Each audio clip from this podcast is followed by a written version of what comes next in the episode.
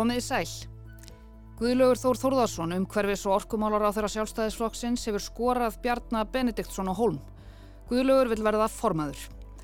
Landsfundur sjálfstæðisflokksins fer fram um næstu helgi en hefst á förstu dag og þetta er fyrsti landsfundur flokksins síðan fyrir COVID-faraldurinn. Guðlaugur smalaði húsfylli í Valhölli gær þar sem stöðningsmenn hans hlýttu á frambóðsæðinu hans og það er ljóst að það eru spennandi kostningar framundan.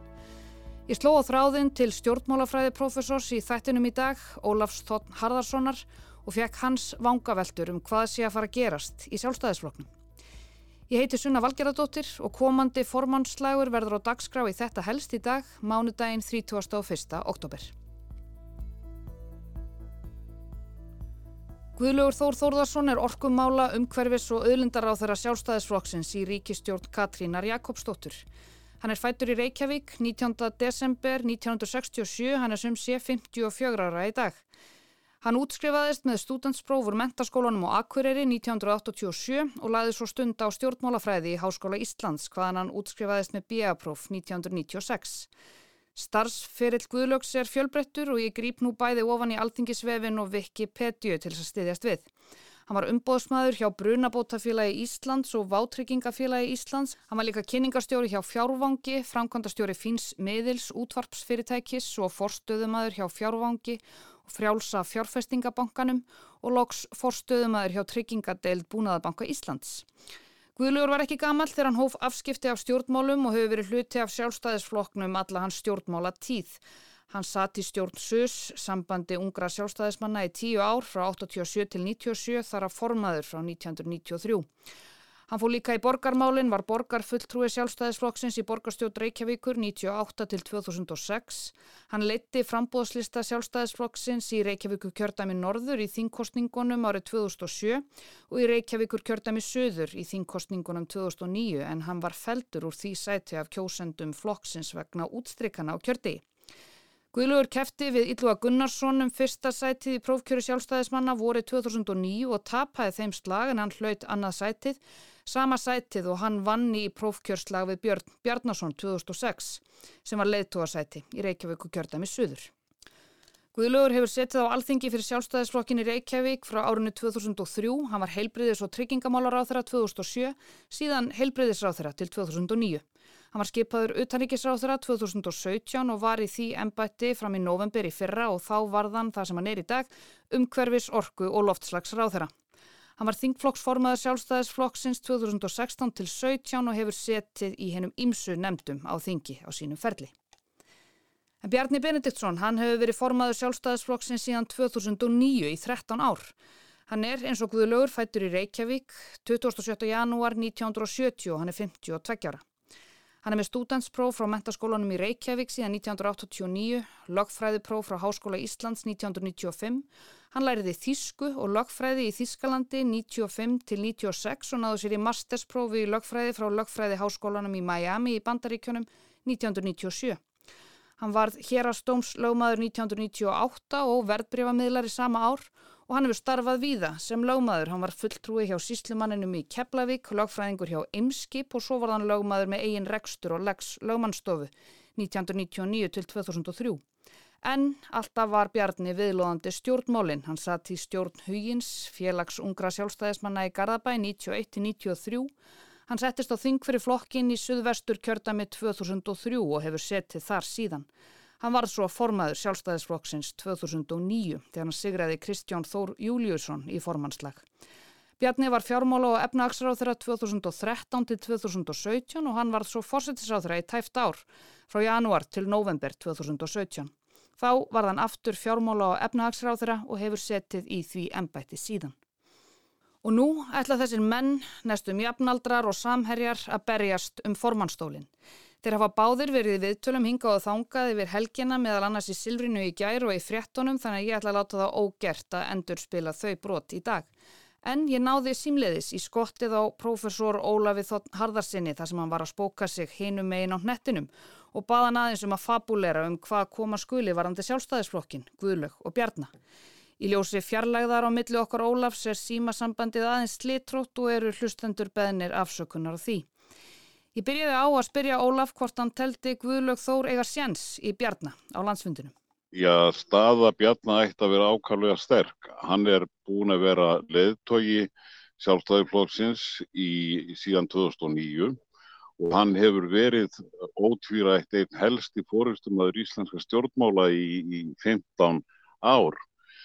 Þó að fylgi flokksins hafi verið minna eftir hrun heldur en það var áður, þá hefur það gerð samhliða uh, grundvallar breytingum á, á íslensku flokkakerfi og reyndar flokkakerfunum hér í nágrunlöndunum. Afreg Bjarnar er meðal annars það að eftir hrun hefur honum tekist að halda sjálfstæðisflokknum innan ríkistjórnar samfleitt síðan 2013. Flokkurinn var í stjórnar andstöðu frá 2009 til 2013 strax eftir hrun, kannski eðlilega, enda kendu kjósendur sjálfstæðisflokknum hvað mest kannski um það sem miður fór þar. Þetta er í sjálfu sér uh, góður árangur mm -hmm. þó, að, uh, þó að fylgið sé hafi verið minna og þá held ég að einhvern dætt í huga það sé sérstaklega fóringinum að kenna. Það eru aðrar aðstöður sem það koma til. Guðlaugur Þór er e, einhver reyndasti kostninga og prófkjörasmali í íslenski pólitík og hefur verið mjög lengi. Hann, hann og hans stuðni, hann, hann hefur öflugastuðni sem hann að sveit sem er mjög vön því að reka kostningabaróttu og vinna kostningar og ég, þess, ég veit að maður veit auðvitað ekkert um uh, hver viðhorf landsfundar fulltrúa til Bjarná og Guðlöks Þórs eru en hins vegar kæmi mér mjög óvart ef að Guðlögur legði í þennan slag án þess að vera búinn að kortleggja, að minnst að kosti svona sæmilega, e, landsfundar fulltrúana og ef að hann teldi ekki að hann ætti sæmilegan sjans annarkort á að vinna eða þá að tapa með tiltölulega litlum mun þá hefði hann ekki lagt í þennan slag. Þannig að þó við höfum engin gögnum málið þá finnst mér þetta benda til þess að það gæti orðið mjókt á mun. Já, Guðlögur Þór hefur marg sínt það að hann hefur gott nef fyrir kostningum og kostningaúrslitum og það kemur mjög á óvart ef að hann legði í þessa vekkferð án þess að meta það sjálfur eftir að hafa lagst í einhverja rannsóknir að hann ætti góða möguleika á góðu gengi annarkvort möguleika á því að vinna beinlínis kostninguna eða þá að minnstakosti tapa með tiltölulega litlum mun ef svo færi. Bjarni saði í gær í fréttum að ef hann tapar þessari kostningu þá er hans stjórnmálaferli lokið, þá ætla hann að segja skilja við stjórnmálinn. Er það ekki eðlileg, er það ekki svona eðlileg yfirlýsing? Ég meina, gæti hann haldið áfram ef hann myndi tapa? Já, hann gæti auðvitað haldið áfram. Fóringar sem hafa hallið hafa stundum haldið áfram.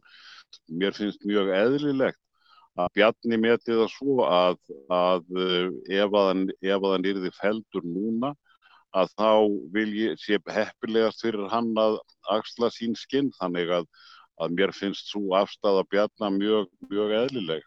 En hvernig sérðu fyrir þér samstarf þeirra áfram eftir eftir þetta. Nú eru þeir búin að læsa hotnum saman, uh, þetta er náttúrulega ekki, þetta er ekki langur aðdraðandi, það er bara vika í, eða tæp vika núna í, í landsfundin. Uh, hvernig svo sem fer, hvernig, sem, ég meina ef að, ef að Guðlaugur vinnur þá ætla Bjarni að, að hætta sem að myndi náttúrulega já, setja já. allt ríkistjórnarsamstarfið og allt saman í uppnám. En, en ef að Guðlaugur uh, tapar og þeir halda bara áfram sínum störfum í, í ríkistjórninni, hvernig heldur að samstarf þeirra og, og samstæðan innan sjálfstæðisflokksins sé löskuð eða er þetta bara svona munið er ná að, að aðgreina þessa baróttu frá bara pólitíkinni almennt? Já, ef Bjarni vinnur þá finnst mér lang líklegast að Guðlaugur haldi bara áfram sem ráðherra.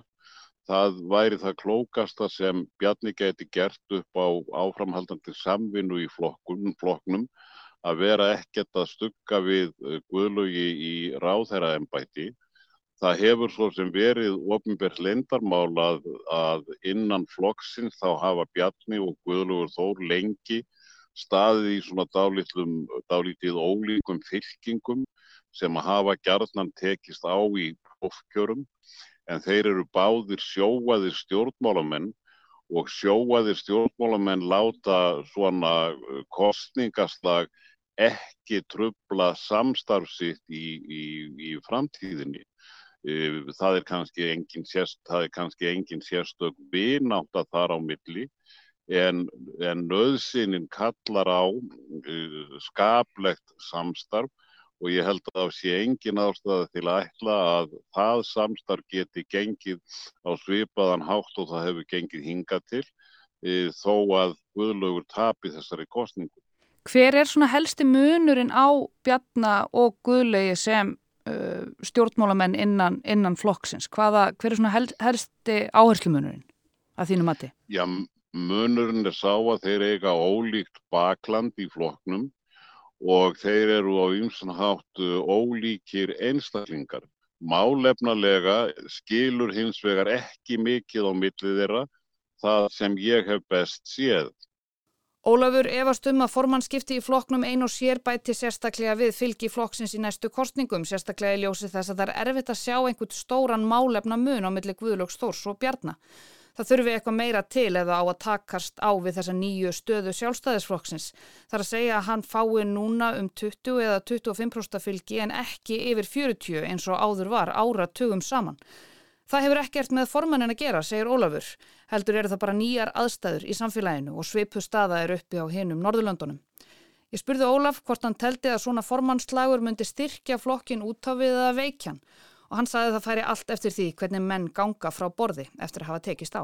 Ef að menn ganga sæmilega ósárir frá svona uh, kostningu þá á það ekkert að veikja flokkin. Það er langt líklegast að svona slagur hafi lítilega engin áhrif á fylgiflokksins mér finnst afar ólíklegt að, að, að Bjarni láti Guðlúð Þór hætta. Það, það er uh, venjan að, að uh, halda uh, tapara í svona slag inni bæði til að tryggja einingu og einu sinni var það nú óvirðulega orðað þannig að uh, fyrir fóringjan þá er betra að hafa einhvern óþægan inn í tjaldinu þar sem hann pissar út heldur hann að hafa hann utan við tjaldið þar sem hann pissar inn. Þannig að mér finnst lang líklegast að uh, þessi ráðherraskipti sem Bjarni búaði strax eftir kostningar að Jón færi út og Guðrún kæmi inn að það myndi bara halda sér. Akkurat. Getur við eitthvað bara svona áðurni sleppið er fabuleraðum hvað, hvað gerist ef að Bjarni tapar? Já, ef Bjarni tapar þá er ríkistjórnarsamstarfi kannski í eh, aðeins meiri óvissu heldur en það hefur verið. Við höfum reynda séð undanfarið að, að það hefur verið vaksandi spenna í stjórnarsamstarfinu, enganlega milli sjálfstæðiflokksins og vinstri græna eh, sem að hafa náttúrulega í grundvallar aðtöðum ólíka stefnu í mjög Það hefur líka ríkt greinilega mikið traust millir Sigurðar Bjarná og Katrínar. Ef Guðlaugur kæði inn í staðin fyrir Bjarná þá uh, gæti þetta, þá gæti verið meiri óvisa um allt þetta en fyrirfram er ekki tækt að spá því að, að, að þó Guðlaugur kæmi inn fyrir Bjarná að þá myndur hlutir breytast. Það er þá að reyna á það hvort að Guðlaugi gæti gengið jafnvel og bjarna að vinna með sínum tveimur samstarfflokkum. Sagði Ólafur Þótt Harðarsson, stjórnmálafræðiprofessor.